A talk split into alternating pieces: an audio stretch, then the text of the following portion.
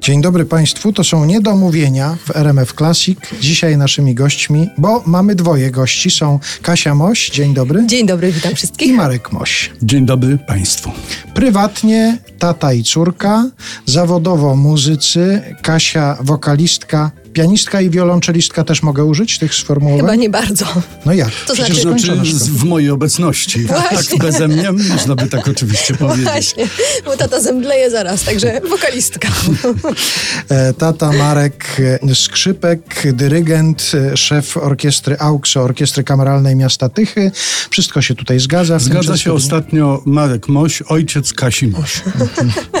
Coraz częściej trzeba mówić. Oczywiście. Trzeba się powoływać na słynną córkę.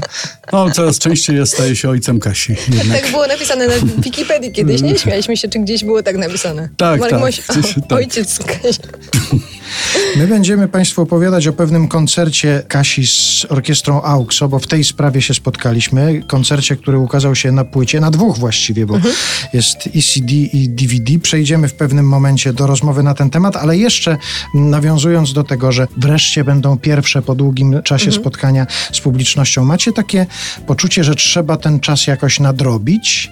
Czy wręcz przeciwnie, że po tym czasie takiego wyciszenia trzeba będzie zwolnić i już w takim wolniejszym tempie pracować? Wolniej się już nie da, przynajmniej tak mi się wydaje. To znaczy ja starałam się w tym czasie jednak y, wykorzystać y, chwilę tego właśnie spowolnienia i jednak pracować nad nowymi utworami, nad nowymi aranżacjami, piosenkami. My teraz pracujemy z Mateuszem Mosiem, z Mateuszem Kołakowskim nad takim nowym y, projektem dla naszego miasta Bytom. Znaczy ta myśl krążyła już w mojej głowie bardzo dawno temu, a mianowicie o tym, aby powrócić do twórczości fantastycznej bytomianki nieżyjącej już Karin Stanek. I teraz pracujemy nad takim e, materiałem, aby jej utwory przypomnieć w nowych aranżacjach. I to jest szansa, że to później się ukaże jako płyta?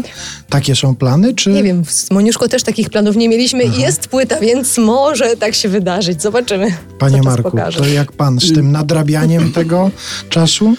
To znaczy, my w czasie pandemii oczywiście mieliśmy okresy przestoju, ale one nie były długie i starałem się, aby praca była maksymalnie jednak y, y, zbliżona do normalności. Oczywiście odpadło bardzo dużo koncertów, natomiast y, my mamy pewną pulę koncertów, które powinniśmy zagrać dla miasta i to staraliśmy się y, w miarę możliwości utrzymać.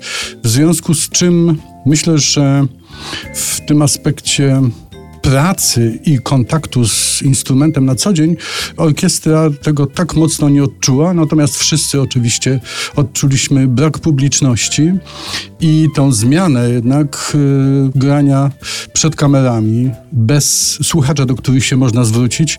I właściwie do dzisiaj nie minęło mi to wrażenie, kiedy wychodzę na koncert i słyszę w takiej ciszy moje obcasy, podnoszę orkiestrę, to jako żywo przywołuje mi się scena z y, Amadeusza, kiedy cesarz kazał wyciąć muzykę z baletów.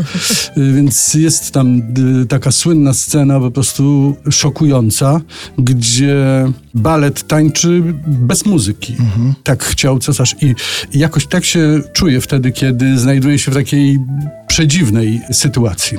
A to jeszcze a propos tych obcasów, o których pan wspomniał, to pamiętam, to Wojciech Młynarski mówił kiedyś podczas jakiegoś swojego recitalu, że jedna z najgorszych sytuacji, jakie może artysta przeżyć, to to jak słyszy stuk swoich kroków schodząc ze sceny po wykonaniu utworu jakiegoś. Tak, dlatego ja mówiłem o wchodzeniu, a to schodzenie jest zdecydowanie bardziej dojmujące na pewno.